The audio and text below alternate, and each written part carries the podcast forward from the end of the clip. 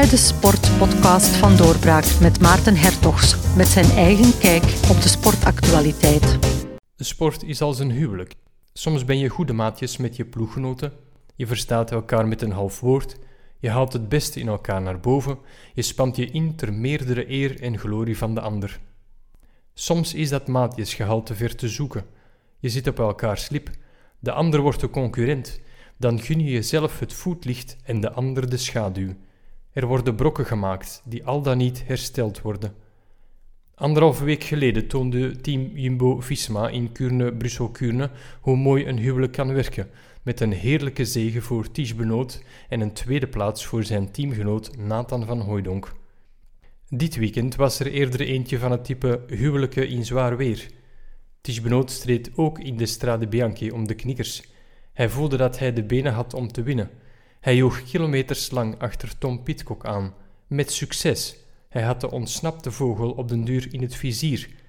Maar zoals er op de Italiaanse witte straten gedurig stof opvliegt dat het zicht vertroebelt, zo was er ook dwarrelend stof tussen Benoot en zijn teamgenoot Attila Valter. Valter, net zoals Benoot Kopman in deze race, wilde zelf ook glorie. Hij reed niet voor de ander, zoals Nathan van Hooijdonk een week eerder. In zijn trappende zog kwamen echter de concurrenten mee, zodat Valentin Madouas uiteindelijk de tweede plaats voor Benoot wegkaapte. Eenzelfde plaatje bij SD Works in de Strade Bianche voor vrouwen. Lotte Kopecky was kopvrouw, evenals Demi Vollering.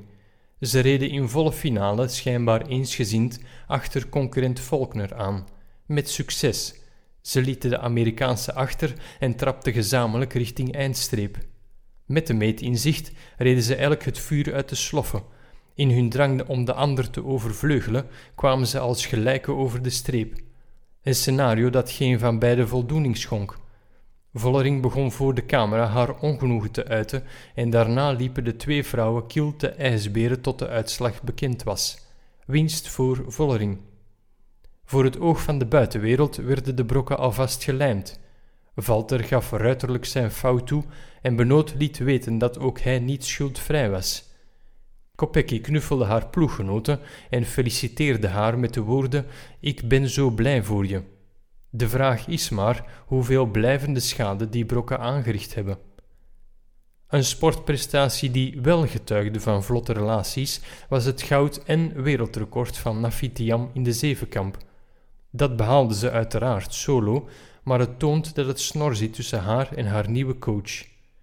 En er was ook de finale van de Belgian Tornado's. Dylan Borlée liep een matige eerste ronde.